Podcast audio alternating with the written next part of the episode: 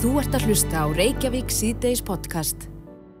Reykjavík C-Days, Brynja Dan Gunnarsdóttir eh, kom til okkar hér fyrir vikunni og tjáði sig aðeins um uh, sílikonbúða sem hún lit fjarlæga úr brjóstum sínum mm -hmm.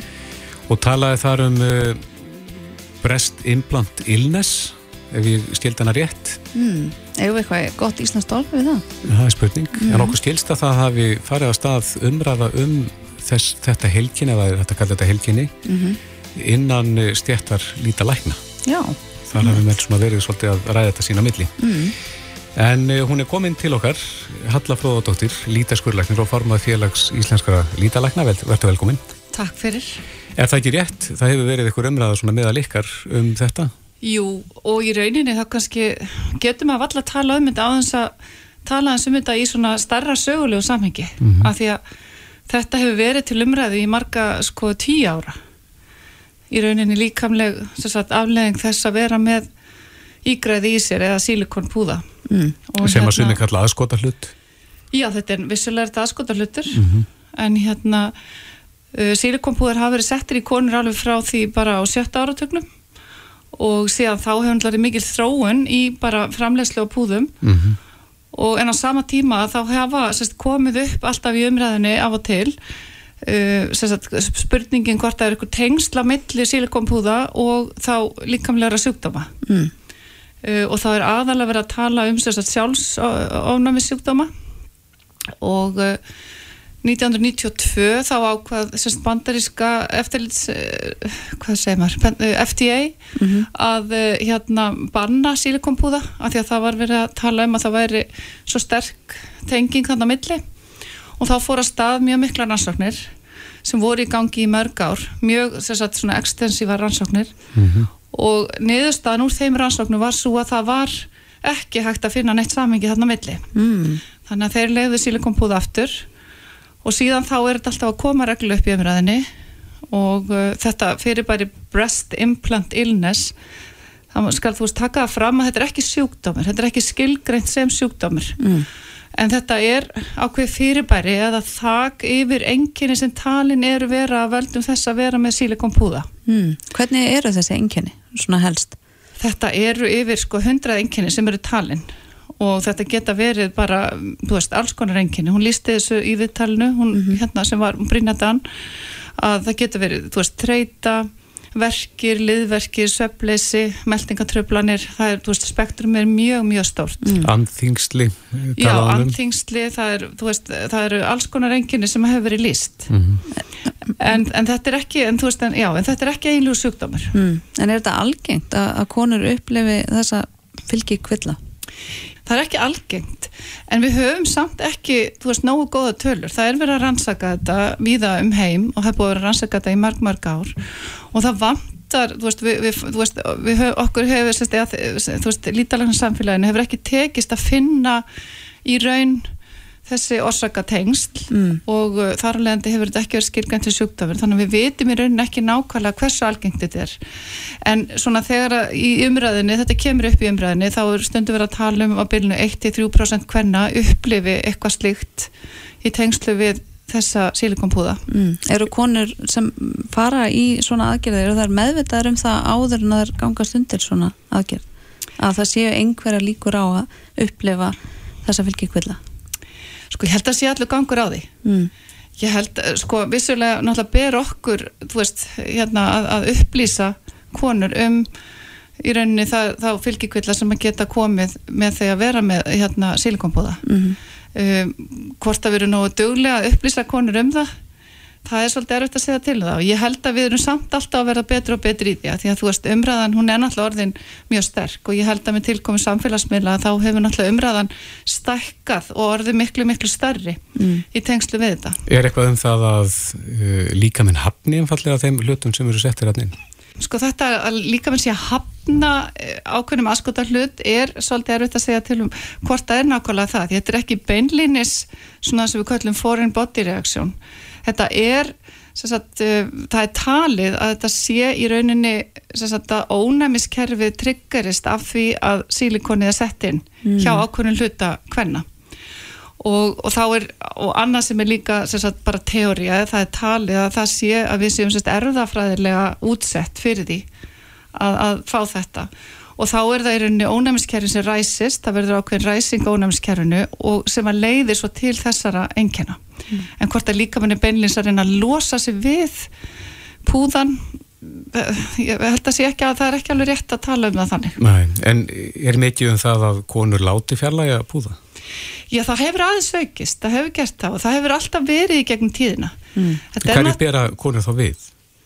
Það er rauninni bara að leita oftast til sínslæknis sem mm. að mhm. setja púðan inn á sínum tíma og bara óska eftir að láta fjarlæga það Það þarf ekki endilega að vera út af einhverju líkalögum enginum mm -hmm. Það getur stundu verið orðið batsins tíma -hmm konur eru kannski að fá sér púða aldrei um 18-25 ára 10-15 uh, ára síðar þá er mikið breyst, það er kannski búin að egna spöld það er búin að þingjast, það er margt breyst í þeirra lífi og, mm. og, og það er kannski finnst það ekki þurfa á sem púðum að halda lengur til dæmis mm.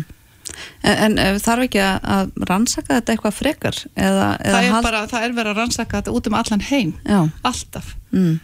og, og ennþá er, er ekki komin neinn niðurstaði í málið þetta er mjög mikið rannsakað og í rauninni þá eru sílikonpúðar sílikonpúðar er í rauninni það ígræði sagt, svona, í líkamann sem er mest rannsakað í öllum heiminum mm. Og er þá talið það örugast að kannski? Já sko, sílikonpúðar hafa alltaf verið sérst taldir mjög örugir og við notum þetta, við erum að nota sílikonpúða í lækningarskinni uh, yfir 80% af öllum til dæmis brjóstauppbyggingum eftir krabbamenni eða þegar fjarlægum brjóstaðurum varsökum þá notum við sílikonpúða og uh, þeir eru taldir mjög örgir. Mm. Eru skipta skoðanir með að lítalagna um þetta? Nei, það er ekki skipta skoðanir, alls ekki. Það er allir mjög meðvitaður um að þetta fyrirbæri er til og ég held að, að, uh, hérna, að, það, að við verðum svolítið að nálgast bara einstaklingin á, á, á hérna, svolítið ólíkum fórsöndum eftir hvað einnkennið konur eru með og, og ég held að í tilfelli eins og, eins og hérna, Brynju Dan sem -hmm. var hérna í Vittali að þá finnst mér þetta algjörlega að hafa verið rétt nálgun í hennar tilviki því hún er raun að lýsa mjög miklum líkanlegu venkinum sem er að skerða hennar lífskeiði það finnst mér engin spurning að þá bara þarf að fjarlæga púðana til að sjá hvort að þetta sé orsakavaldurinn ja, e, Einmitt, sko, er það nóg að fjarlæga púðana? Já, það er kannski ekki, ekki, ekki mikið annað hægt að gera mm. það verður bara að sjá hvort að enginn ganga tilbaka mm -hmm. Sem að gerðist í hennar tilfelli? Já, virðist vera að koma mjög stutt reynsla en það virðist vera. En það er alls ekkit garantera heldur ef að konu láta fjarlæga að, hérna sílkompúða að, að þessi líkvæmlega enginni hverfi.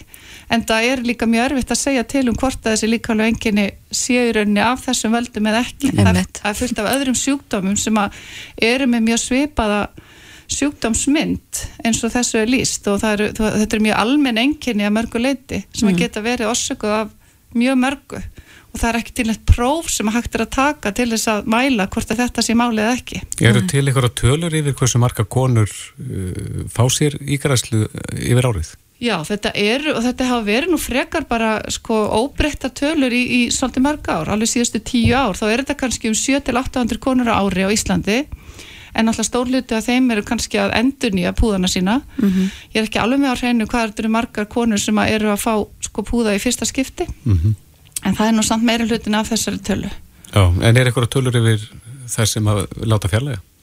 Nei, við höfum ekki tekið þetta saman og það væri mjög áhugavert að gera það af því að það hefur aðeins aukist að konur eru að láta taka á sér púða mm.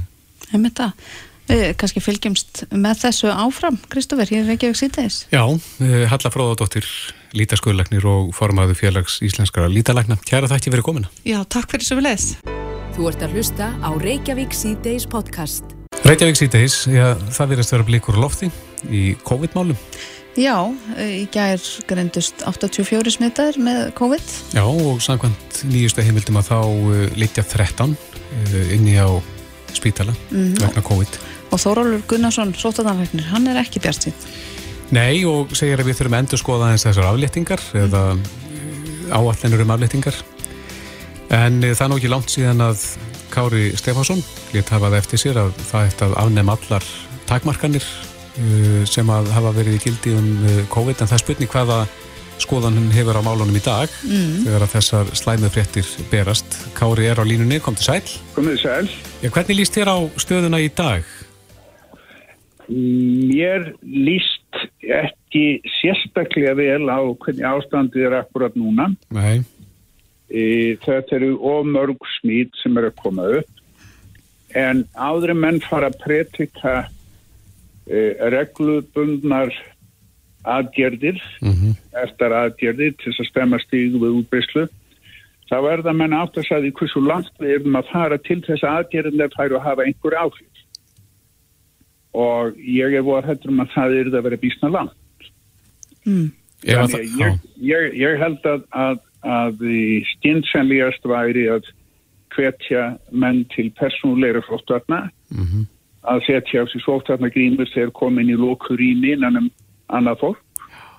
Í eins og verslanir í, í kvikmyndahús, tónleikasali og svo framvegis.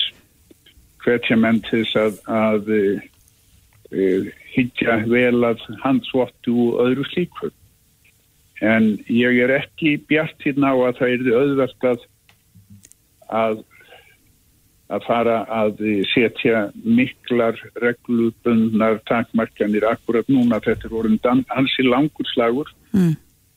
og orðið svolítið erfitt að að fá fólk til að fylgja í aðgerðum sem sem yrða að grípa til til þess að, að um, stemma stígu við, við þessar útbæslu. En hvernig aðgerðir ertu að, að, að tala um? Hver hart þyrftu við að ganga fram? Nú veit ég náttúrulega ekki hversu hart verðum að ganga fram en það er alveg ljóst að, að það eru aðgerði sem er í samfélaginu núna hafa engin áhrif Mm. og ég held að það sem við séum að, að horfast í auðu núna eigi miklu meira rætt sínar í því að við sem einstaklingar í samfélaginu eru farin að hafa okkur eins og þessi pest ég farin. Mhm. Þannig að þú hvetur svona til einstaklingsbundina sóttarna og menn herði sér þar frekar heldur en að setja ykkur að skildu. Já, ég, ég, er, ég, held að, ég held að það væri í, sko, það, því er þið tekið betur í samfélaginu og ég er ekki vissum að, að reglugerð myndi að hafa meiri áhrif heldur en kvartning Mm til einstaklingsbundra sótvarna.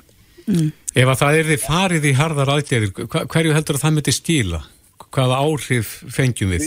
Við, við kunnum að slökka á þessu ef, ef við erum, í, ef við erum andlega undir það búin að fara allar leið, þá getum við gert það.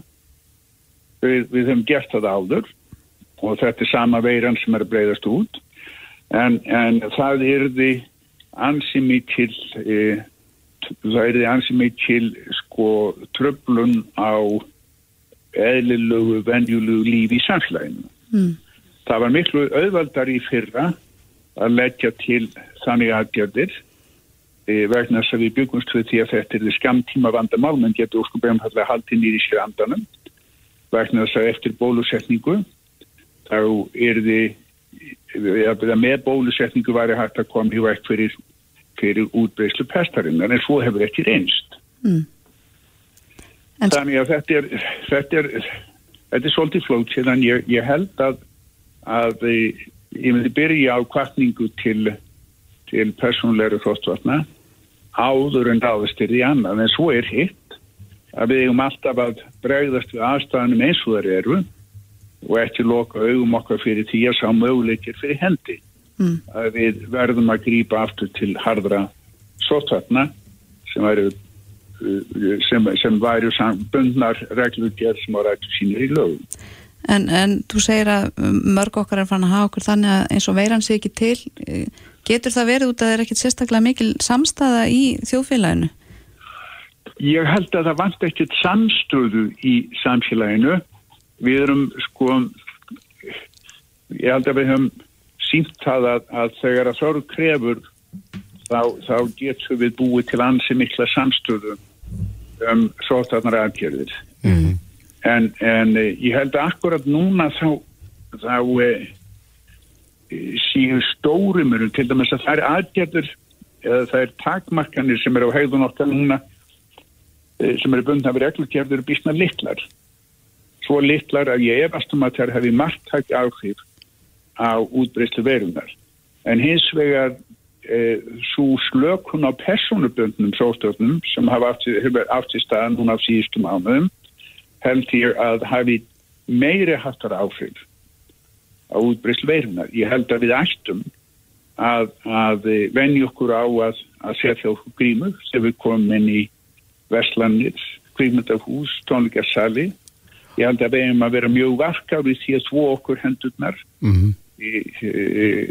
sem er mjög góð svo að það er gert og, og ég held að við hefum að brína fyrir hvort öðru að halda uppi þessum personaböndum sótórnum. Ég held að það sé besta leiðin núna.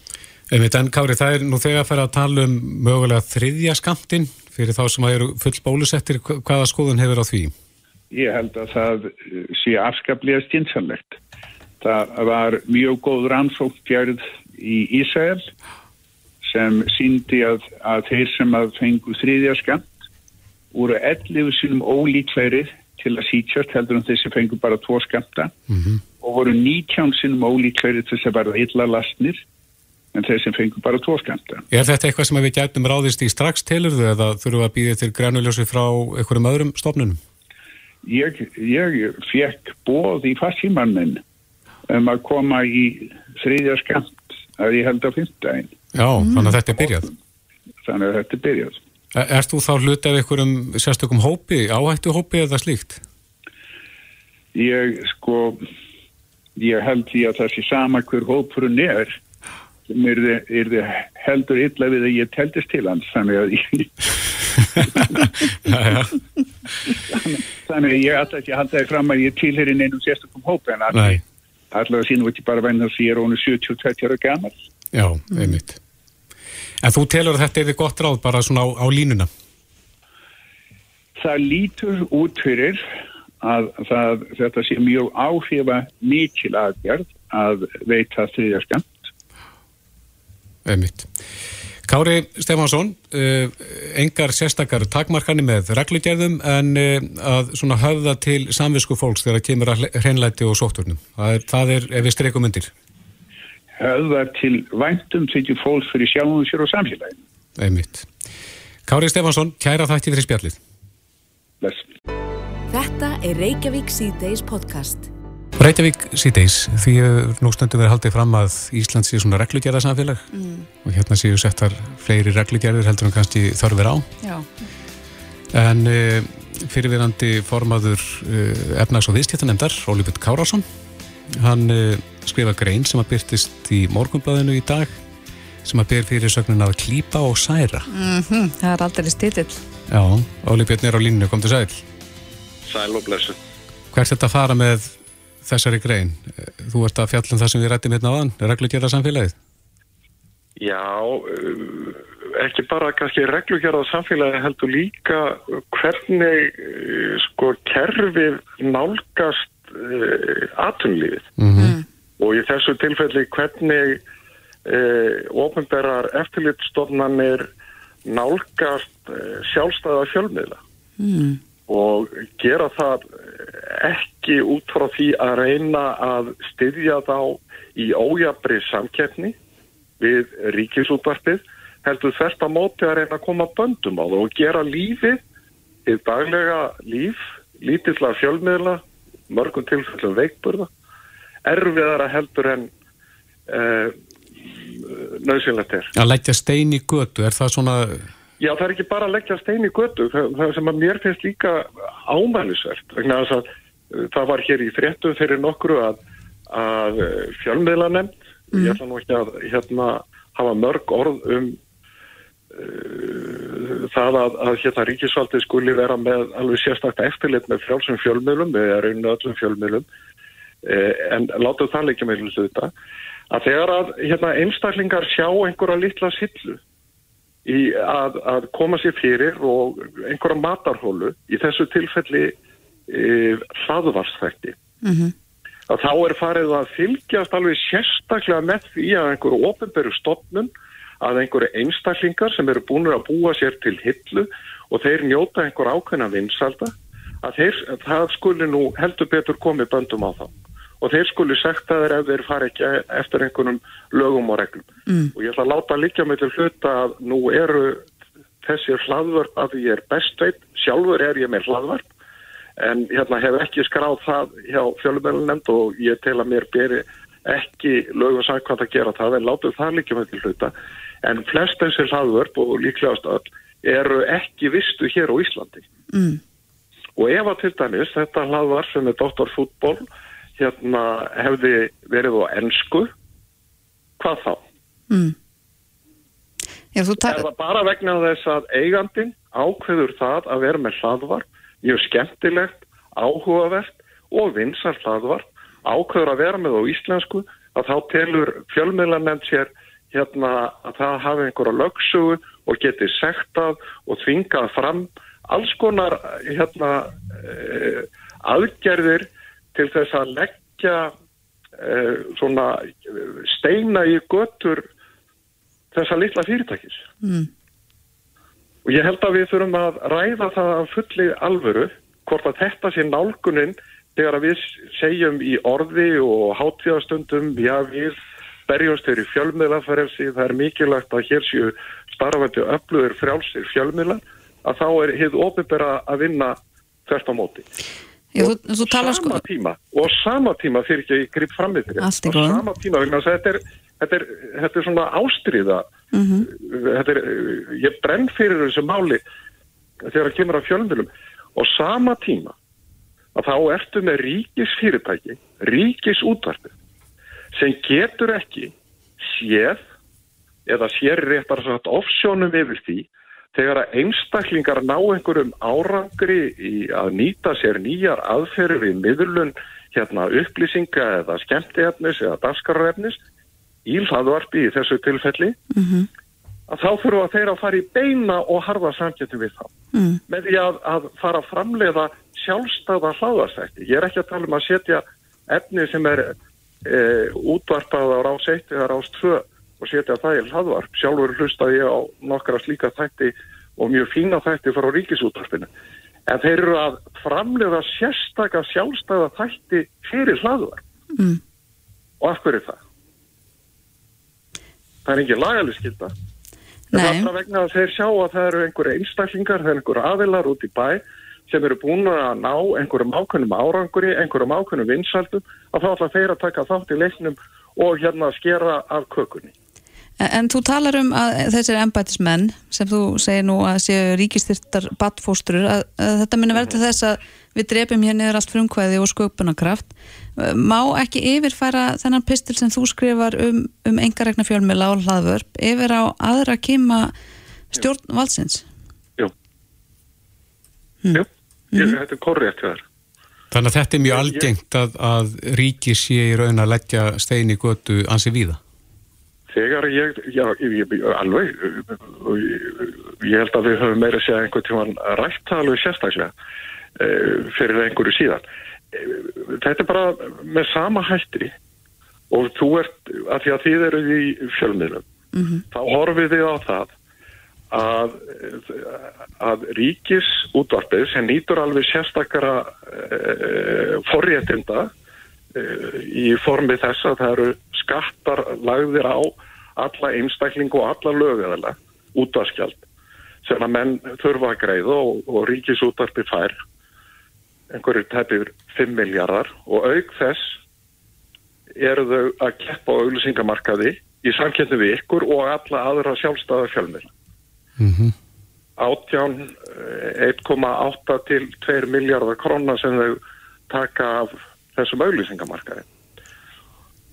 Og þetta eru þetta dæmið það þegar að ríkið í þessu tilfellu opverðslutafélag er í beinni harðri samkeppni við engaðila um tekjur og auðvitað kemur það niður og særir engaðila og dregur þrótt úr þeim og særir það. Það fórast það mikið umræð Óli Björnum um að Rú færi af auglýsingamarkaði áður en Ég, ég fyrir kostningar. Fram, hérna, ég og Brynja Níelsson lögðum fram alveg sérstætt frumvarp um það efni þar sem að Rúf erði tekið út af auglýsingamarkaði síðastlið vor og það erði gert í áfengum fram til ásins 2024 ef ég maður reynd. Og hvað varð um það? Já, það er náðu ekki fram að ganga vegna þess að það er ekki en þá hefur ekki myndast meirluti en mér sýnist eins og þar að það sé að auka skilningur meðal minnstofusni þingmanna og ég vona að fjölmiðlamenn sláist nú í hópin til að berjast fyrir því að náist eitthvað smá réttlæti. Áttu vona því að þetta nái... Þetta er ekkit eina dæmið um það hvernig ríkið fer í samkettni við engaðana. Það er ekki bara á fjölmiðlamarka. En þú nefndir hérna áðan Óli að, að þetta verð ekki lögum samkvæmt sem að þeir eru að hella sér út í podcastið eða hlaðvarpið? Það er engin lagaleg skilda. Nei, en, en erst að halda þið fram að þeir megið ekki? Já, sko ég ætla ekki að ganga svo langt. Ég er hérna, fer mjög varlega að, í að fullir það um, að einhver aðelja sé að brjóta lög. Mm -hmm. eh, það hins vegar eh, er þannig að menn þurfa þá, ég hef litið þannig á að ríkisfyrirtæki þurfi ekki bara beina laga heimild heldur er því falið ákveður hlutverk þá að gegna ákveðnum hlutverki ríkisútvarpi og það eigi þá að sinna því og innan þeirra marka. Og því munið eftir því þegar ríkisútvarpi fór og hérna opnaði sérstakam vef, þú veist, rúf.is mm -hmm.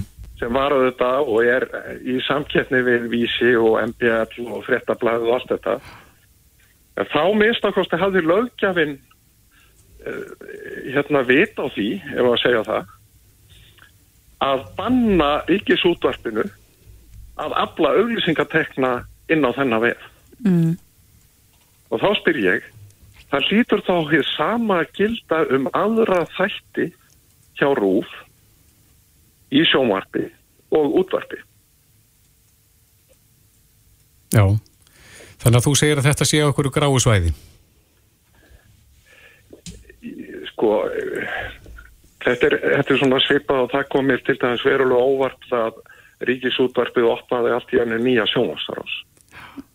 Ég er ekki haldað því fram að ríki hafi hérna verið að ganga ekki að glögum nema þverst á móti en það er að þetta til sjáu hvað er að gerast. Það er ríkis fyrirtækið þetta er ekkert með starfsmenn að gera. Þetta er bara eðli ríkis fyrirtækja Rúf, Ísavíja Íslandsbós eða hvað sem er. Að færa sig alltaf lengra og lengra. Búa til nýja hérna uh, vöru, þjónustu. Og það er að þetta alltaf á kostna þeirra sem þeir eru í samkjörni við þar að segja engaðila mm. Er þetta eitthvað sem að þú ætlar að eh, taka fyrir á komandi þingi? Já, ég hef eh, lengi barist fyrir þessu og ég hef hérna þó að ég geti stundu verið svektur yfir því að ná ekki miklum árangri að þá er ég samfarið um það í þessu efni eins og mörgum öðrum þá hólar drópin steinin og það eru æg fleiri sem skilja þetta. Mm. Já, það verður forutnælt að fylgjast með þinni baratu á næsta kjörtíðanbili, Óli Björn. Hjálpum við kannski við það. Já, ég veit að við getum einhver lofa. Gangið vel, Óli Björn Kárasson, takk fyrir spjallið. Já, bless. Bless. Reykjavík síðdeis á Bilginni podcast. Við hefum aðeins verið að tæpa á bókaflóðinu. Já. Þetta er náttúrulega þessi, þessi tími, nú fara jólina nálgast og jólabókaflóðið þegar nú alltaf á sínu stað. Mjög spennandi tími fyrir marga. Já, við hefum verið komið með hendurnar, e, svolítið veglega bók, hún mm. er græn með svona gillingu. Þetta er dýrari típa, myndi ég segja. En hún heitir líka peningar. Já, eða eitthvað hefur hún kostað. Þannig að það er dýri titill. en sá sem að gefur þessa bók út og semur er Björn Berg Gunnarsson sem við höfum oft rætt við um fjármáli mitt hjá Íslandsbakka. Velkomin. Takk fyrir helga. Um hvað er þessi bók? Peningar? Hún er um peningar. Já. Og hún er um, eh, hún er um skemmtilegu og, og fyndnu hliðarnar á er, peningunum. Eru þær til sérsagt? Já, þær leynast endilega þarna svona inn á milli mm. og ég, ég fer þá leið í þessari bók að, eh, að skipti henni í tíu kabla sem eru algjörlega óskildir þannig að ef þið hefði ekki áhuga einhverju tiltaknu umræðinni þá sleppið mm. þeim kabla já, já. og ég, ég lít undir húttið á áhugamálum fólks, til dæmis tísku, íþróttum, um, kvikmyndum, tónlist og svo framvegis. Mm -hmm. Þannig að það sé auðvelt fyrir að manna nálgast þetta? Já, þannig að, að þrátt fyrir að maður mögulega hafi ekki mikið áhuga á því að heyra tala um verðryggingu eða afvöxt eða eitthvað slíkt að, að þá sé samt sem áður áhugavert að kynast í hvernig eru kvikmyndir gerðar í Hollywood, mm -hmm. hvaðan koma tekinar, hvernig getur tónlistamæður í dag lifa á sínu tónlist í þessum breyta heimi, miður við það hvernig var bara fyrir 20 árum síðan hvernig hafa heilu lönding yngi kaupum og sölum og, og þarfram til göttunum. Er allt peningadrifið í dag? Já, og hefur verið kannski? Ég, ég á ennþá eftir að finna þann kema þjóðlýsin sem ekki er hægt að, að finna fjármálhliðina. Mm. Þetta er einhver stað að leynist þetta, þetta nú alltaf á bakvið að, að mjög miklu leiti og, og ég hef í gegnum tína reyndið mitt að leggja áherslu á það að að peningar þurfi ekki engung að vera eitthvað sem er predika fyrir fólki mm -hmm. þetta þartu að vita, þetta er gott fyrir það að vita bara eins og tampustun heldur sé þetta frekar þannig að, að, að um, til þess að ná árangri eða uh, vera með heilbrið persónuleg fjármál til dæmis þá hjálpi svo mikið að hafa raunverulegan áhuga Já. og áhugin að hann verður jæfnvel til í gegnum skemmtilegar sögur og í gegnum það að, að maður gleymi sér aðeins og fara að kynna sér einhverju skemmtilega hliðar. Ég talandu um það, þá sé ég hérna á bókakápunni, blasir við mér hérna, það sem að dregur að þessari bók er þessi hliðarnóta hér, ótrúlega sögur af dýrkiptum mistökum, lígilegri hefni og undarlegu fólki. Já, mér finnst, uh, mér finnst ekki, eða er eitthvað sem vantar ekki í hillunar í bókabónum þá eru það bækur um góðan árangur mm. þá eru það, það fyrirmyndina, það er nót til að þeim mm -hmm. ég lagði kannski frekar áherslu á það sem að maður hlær frekar að hefur gaman að sem að er svona þegar eins og ég orðaði í bókinu þegar einhver rennur rækilega ára sig mm -hmm. þegar stóru og dýrkeftu mistökjum voru gerð og, og hvernig það fór þannig að blockbuster videolaunar á sínum tíma afþökkuður hinnlega það að fá að kaupa Netflix á, á, á Samu Eckert og fleiri slíkar sögur En er það ekki það sem við lærum mest á? Það eru mistökin? Jú, mistök annara. Já, það, mistök er, annara. það eru þetta dýrmætustu mistökin fyrir okkur sjálf, það eru mistök annara og reyna að læra þeim og, og, og mögulega er hægt að læra eitthvað að þessari bók í, í þáveru. Getur þú nefnt okkur dæmi aðeins úr hérna bókinni? Hvað, svona, hvað þú ert að fjalla um? Já, eitt af því sem að mér fannst til dæmis var, var eiginlega fyrst á blað það var, það er tískuheimurinn mm -hmm. sem er svo áhugaverður mm -hmm. og hann mhm. gengur svo mikið út á ímynd og hann gengur svo mikið út á það að sínast eiga peninga og sínast vera stór og mikill þannig ég tek fyrir eina eh, eina af þeim manneskjum sem, að, sem að hefur náttúrulega mestum árangri í þessari hlið tískuheimsins í dag sem er Kylie Jenner mm. og hún náði alla leið á forsíðu Forbes tímaritsins með ákveðnum blekkingum Já. sem, er, sem ég, ég reyfa svolítið í bókinni hvernig hún, eða móðurinn að freka falsaði bókald til þess að koma henni á forsíðu mm. Forbes, ég tek síðan sögu Coco Chanel, hvernig hún náði þessum ofbúslega árangri að, að vera fyrsta tískuhúsin sem tengið sér við Ilvat sem verður síðan mest selda Ilvat, sögurnar. Ég ræði það hvernig þetta fólk uh, kynnist og, og, og þekki sérni gegnum tíðina. Uh, Christian Dior og Yves Saint Laurent og, og Givenchy og allir þessir eru svona sameili uh, í einhverju grúpu allt verðist þetta fólk þekkjast og svo förum við bara í tölfræðina. Hver eru stæstu tískuhúsin? Hver eru, eru hver eru ná mestum árangur eða mestu í, í, í snirtiförur á, heimsvísu og eitthvað slíkt? Svo er, er kannski farið alltaf aðra hluti. Ég, ég velti fyrir mér um, hvers vegna í óskumum hvernig að staðið á því að, að Chile sló 1,5 miljón mynda árið 2008 þar sem var stafsendingavilla í nafni landsins. Já. hvernig óskopunum gæti þetta gerst? Hvernig gæti það gerst að, að þegar Evrópusambandið ákvaða að búa til nýju peningasælana þá var austurískur hönnuður látin tekna brýr á bakleðanar en það voru færri peningasælar en fjöldi landana í Evrópusambandinu. Þannig að má enginn fá eitthvað ef þú færði ekki. Þannig að löndin sem fengu ekki brýrnar sínar á baksíðunar eru alveg vittlusar mm -hmm. þá fekk hann það verkefni að ímynda sér brýr og, og teikna brýr og baksíður uh, baklegar selana sem voru ekki til neinstæðar það vildi ekki betur til en svo að setna mér að þá uh, ákvað hollensku listamæður í samstæri við bæjarfélag í Hollandi að reysa allar þessar brýr í litlu bæjarfélag í Hollandi. Þannig að brýrnar sem við heldum að væri ekki til nema hugabörður þessar austríska listamanns eru í raun og veru til allar í samanbænum í Hollandi þetta er svona dæmi um, um hvert ég fer í þessari bók. Skemmtilegu fráleikur þannig að ég er ekki að fara að detta nýri þunglind eftir jólagjafainköpin ef ég fæ þessa bók í hendunar hún Nei. er ekki að fara að segja mér hvað ég á búin að eigða óbúslega miklu og að ég þurfa að spara svakalega mikið í janúar. Nei, þess að móti, ég vona að hún verði bara skemmtileg. Það er einhver, hann leynist inn á milli fráleik, eða svona gaglegi fráleikurinn og, og lærdómur sem hættir að draga. Mm. en aðalega er þetta náttúrulega skemmtunar hann getur verið geysilega mikill mm -hmm. og hann er, hann er alltaf að verða meira og meira áberandi. Ég held að það sé eitt af því sem að, sem að heitlar mig varandi íþróttunir er það hvað við höfum betra og betra aðgengi að þessum óbúslu peningum og, og að, að, að upplýsingum um þá peninga sem eru þar á bakvið. Annar vinkil sem ég skoða sérstaklega í þessu þar sem að peninganir eru geysilega mikil eru tölvuleikir. Mm -hmm. Heilan kapla um tölvuleikið innan mm -hmm. sem er orðin stærri en, en kvikmyndir og tónlist til samans. Einmitt.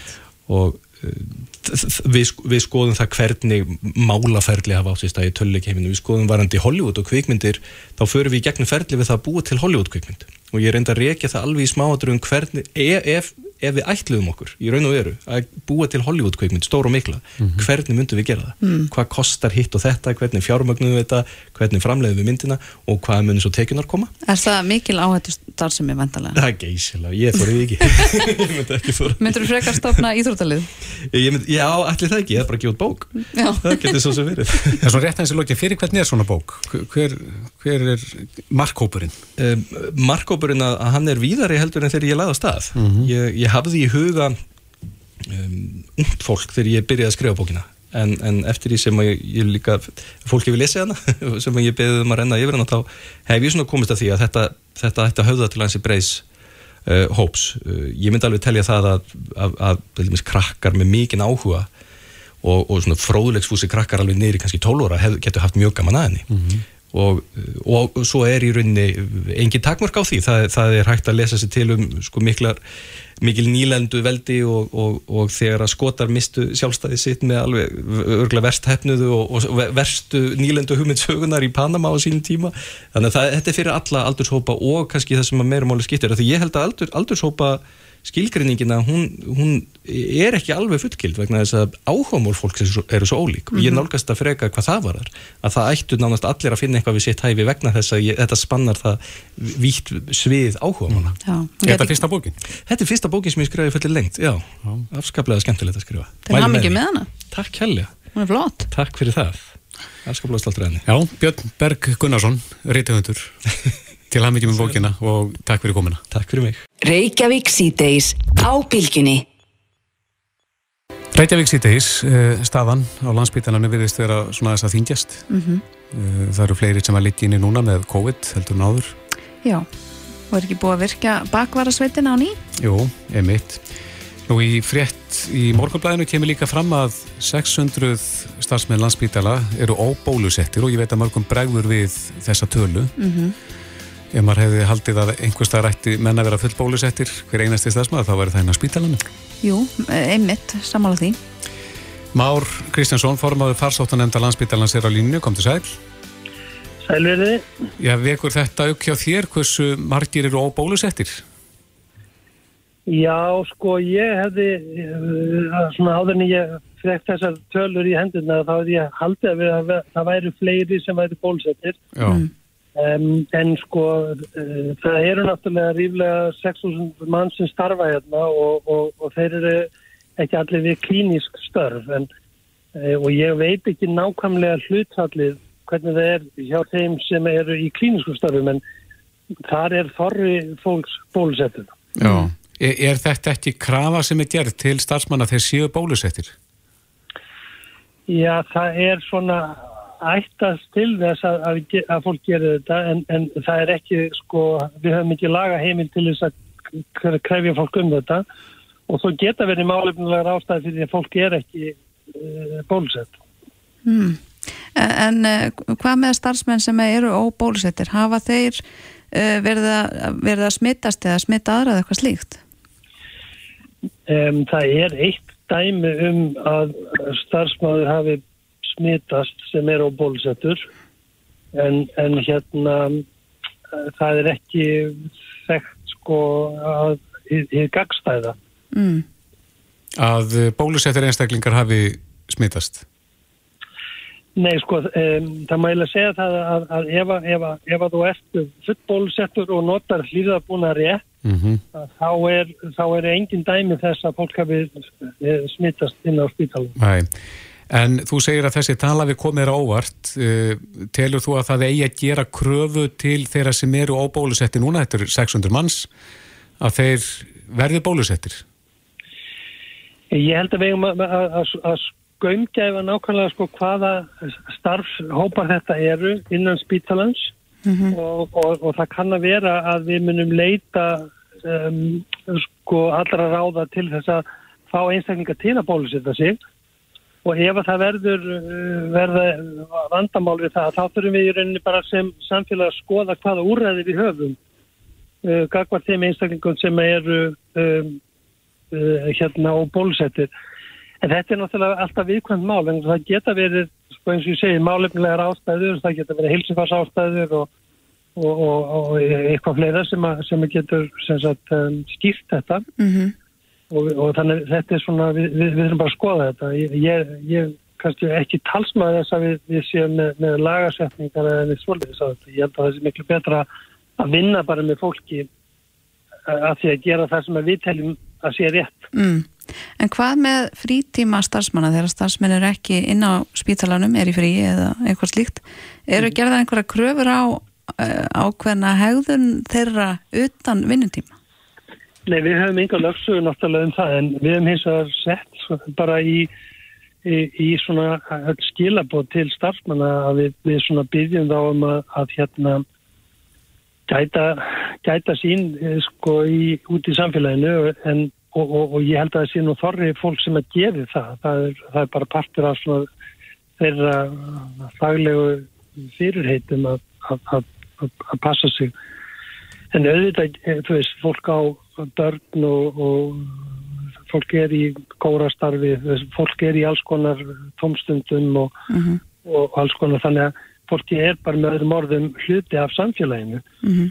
og það er akkur það, er akkur það sem að við erum að reyna sko að reyna það er ákallið okkar að segja sko þegar að um, nýgengi er svona hátt í samfélaginu eins og það er orðið núna að þá aukast líkund að þetta berist inn í starfseminn okkar. Mm og ekki bara starfsemi okkar þetta, þetta aukast líka að þetta berist inn í alla atvinnustarfsemi í, lík, í, í samfélaginu, hvað sem eru skólar, grunnskólar, háskólar um, tækni fyrirtæki uh, fjölmiðla fyrirtæki heilbyðisfyrirtæki, það eru öll fyrirtæki sem að geta staðið höllum fæti gagnast auknum smitum í samfélaginu.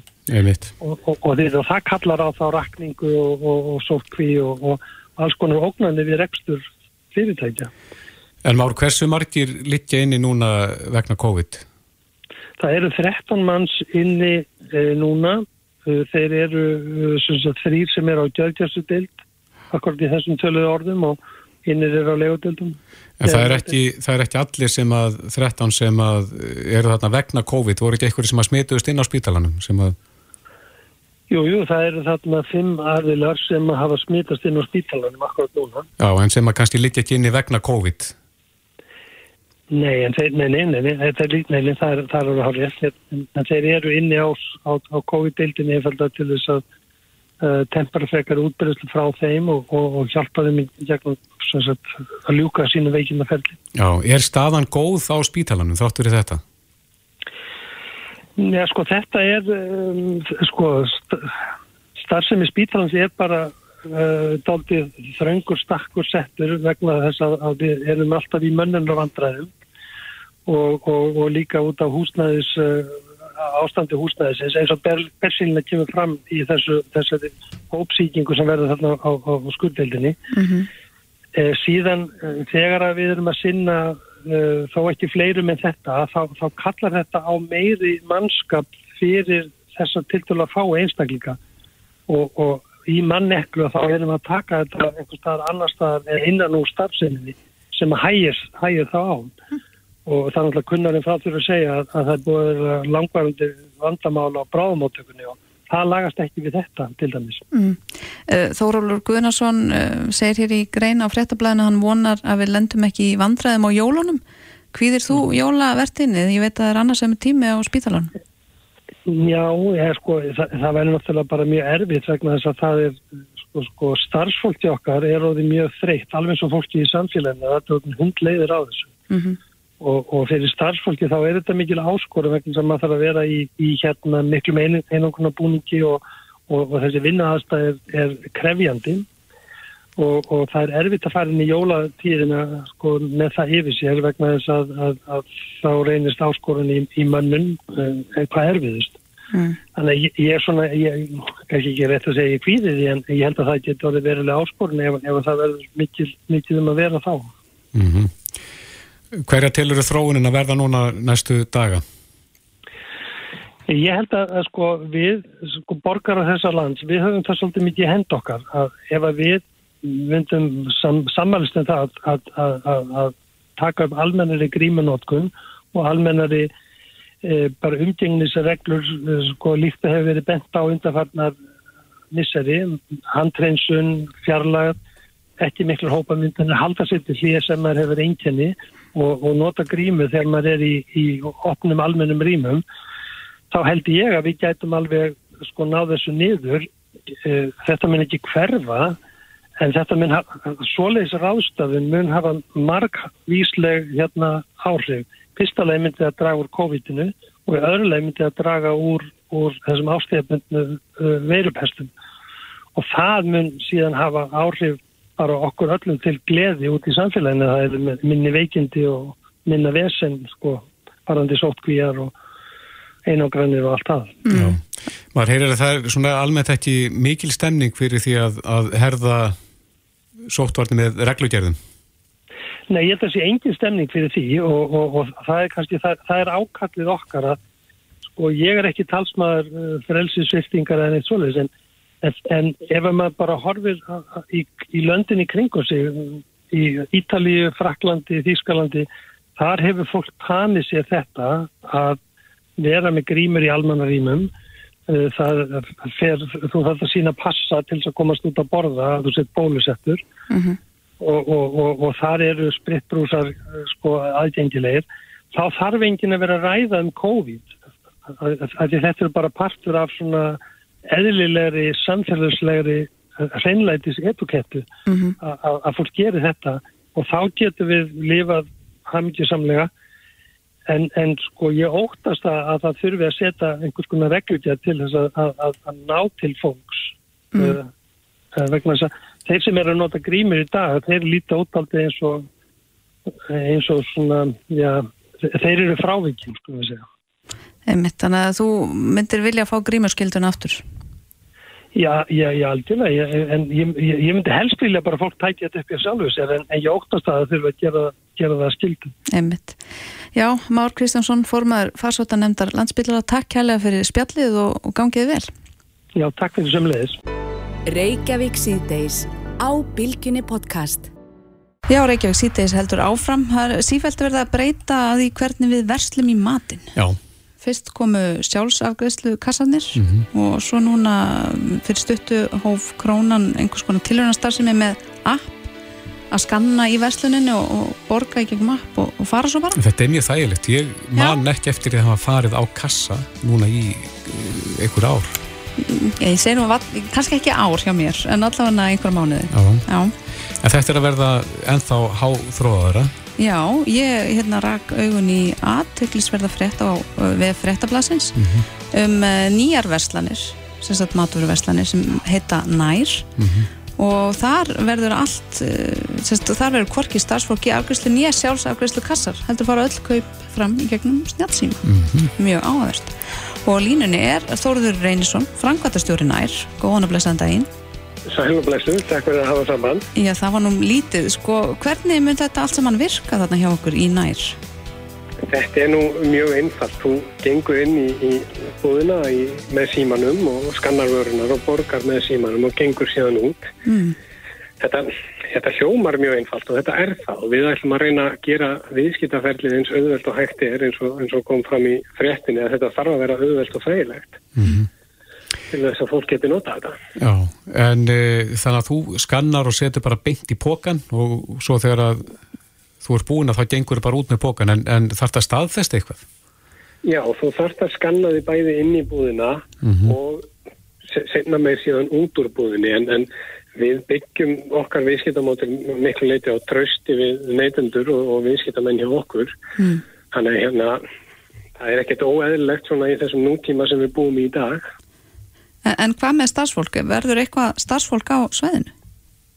Það verður starfsfólk lítinn hlutadags til að fylla á búðir og halda búðinni feinni og því um líkt en þessi hefðbundna búðarstemming sem við sjáum annar staðar, hún verður ekki hjá okkur. Mm. Hver er reynslan varðandi þjófnáð og annars líkt? Vantarlega maður búast því að einhver frestist? Já, sjálfsögðu. Það, það væri mjög óeðlilegt ef enginn myndi frestast til en, en þetta er auðvitað ekkert nýtt að nálinni. Þetta er bæði mikið í Asju og Norðurlöndum mjög nálagt okkur og hefur verið síðastlegin ár mm. og reynslan er mjög góð bæði frá Svíþjóð, Danmörku og Noregi. Mm. Þar, þar eru aðeins sem eru með talsverðan fjölda svona búðum og gengur mjög vel. Mm. En, en, en eins og með vöru úrval í þessum nýju verslunum nær, verður þetta bara eins og hefbundin matvöruverslun? Ég, ég, ég væri nú kannski ljúa ef ég myndi segja já þarna, en við ætlum að reyna að bjóða upp á þessa típisku, þessi típisku vörunúmer sem er að finna í maturukörfum okkar einstæðast hjá neytendum. Við verðum kannski ekki með mjög sérstakar vörur sem að, sem að maður kaupir einu sinni í mánuði eða á þryggja mánuða fresti en við erum að tala um hennan kjarna kjarnafeskvöruna, kjarnakjötvöruna og mjölkvöruna þannig að þú getur gengið að því vísan að náða vestla í matin hjá okkur í návíði heimilið þitt án þess að þurfa að fara í hvað maður kallar það, fjögur til sexum feðuna í öðrum vestlunum. Mm. En þarf í svona vestlunum að auka öryggi þar að segja verðum aður undir vökulögu eftirlýsmyndavila kannski meira þarna heldur en annar staðar? Nei, í sjálfum sér ekki. Þetta, þetta er hefbundin búð með öryggismyndavilum og aðgangs, hérna, aðgangsstýringu í gegnum appið af því að þú verður að ganga inn í búðina í gegnum appið og, og því umlikt en þú ert ekki undir neinu meira eftirliti hjá okkur per se heldur en annar staðar sko. En nú er stærsti kostnæðilegur fyrirtækja það er launakostnæðurinn og það verður ekki, ekki mikill kostnæðilegur í þeimlið hjá ykkur e, má búast við því að vöruverði verði þá lagra eftir því? Við ætlum að reyna að halda vöruverði eins lág og við mögulega getum en þetta er kannski, þetta er tvíliða peningur þegar kemur á launakostnæði vegna þess að þráttur að við verðum ekki með margar starfsmenn í búðunum mm -hmm. að þá er mikill mannafli sem fer í innkaup, í tæknithróun og annað slíkt mm. og það má kannski segja að hluti af störfum, störfum sem eru í eru í venjulegum búðum í, í áfyllingu og á kassa og hjálp við sjálfsækvæmsleikassa færist kannski frekar inn á tæknihliðina inn á innkauparhliðina og byrðarstýringu og því um líkt. Mm, einmitt, þannig að ykkar tæknideild verður nokkuð stór? Já, hún verður öflug. Mm -hmm. En hvenar opnar fyrsta veslunin? Fyrsta veslunin opnar strax eftir áramót upp í Öriðahóldi mm. og skömmu setna ætlum við að reyna að fara í frekari opnanir viðsvegar um höfuborgarsvæðið -hmm. og jafnvel um, út á Reykjanesi eða fyrir austan. Mm. Þórður, heldur þú að þessi leið þarf að segja að hafa ekki einu svonni sjálfsafgræslukassa, heldur engungu app og að skanna sér í búð og þar fram til gödunum. Er þetta framtíðin sem við horfum upp á? Já, ef að þú hefði spurt mig fyrir tíu árum síðan og ég hef verið að koma með sjálfsafgræslukassa til landsins, mm. þá hef ég sagt já og í dag eru náttúrulega allir sem að nota sjálfsafgræslukassa eins og eins og þeir komum fram, fram á í, í hérna byrjun. Mm. Um, ég held að þetta sé eitthvað sem er komin til að vera og, og það var náttúrulega til dæmis viðtal við ástu í krónunum daginn þar sem hún var einmitt að tala um að, að þetta sé svona leiðin í smásölu í dag. Það er að fókusa meira á teknilegina og, og gefa fólki möguleika allan á því að versla rætt og öruglega í gegnum upp eða í gegnum tækninjungar. Mm. Og heldur það að Íslandika séu gynkjæfti fyrir þessari tekni?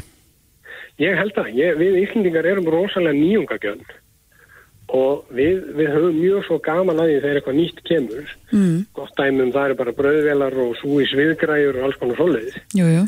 En við erum kannski að tala um aðeins annað þegar við erum að horfa á tekninýjungar í maturverslunum en, en ég held að þetta er eftir að taka vel við sér og, og skanna og skunda hjá krónunni hefur til dæmis fengið góðan meðbyr og, og ég held að við hefum eftir að fá það líka í gegnum, gegnum svona, hvað maður að segja hverjusverslun nútímans. Já. Við ætlum auðvitað að reyna að endurvekja þessi hverjusverslana mótel. Nei mitt, það verður spennand að fylgjast með þessu. Þórður Reynisson, Frankóttistjóri Nær, takk hella fyrir spjalli. Takk hella.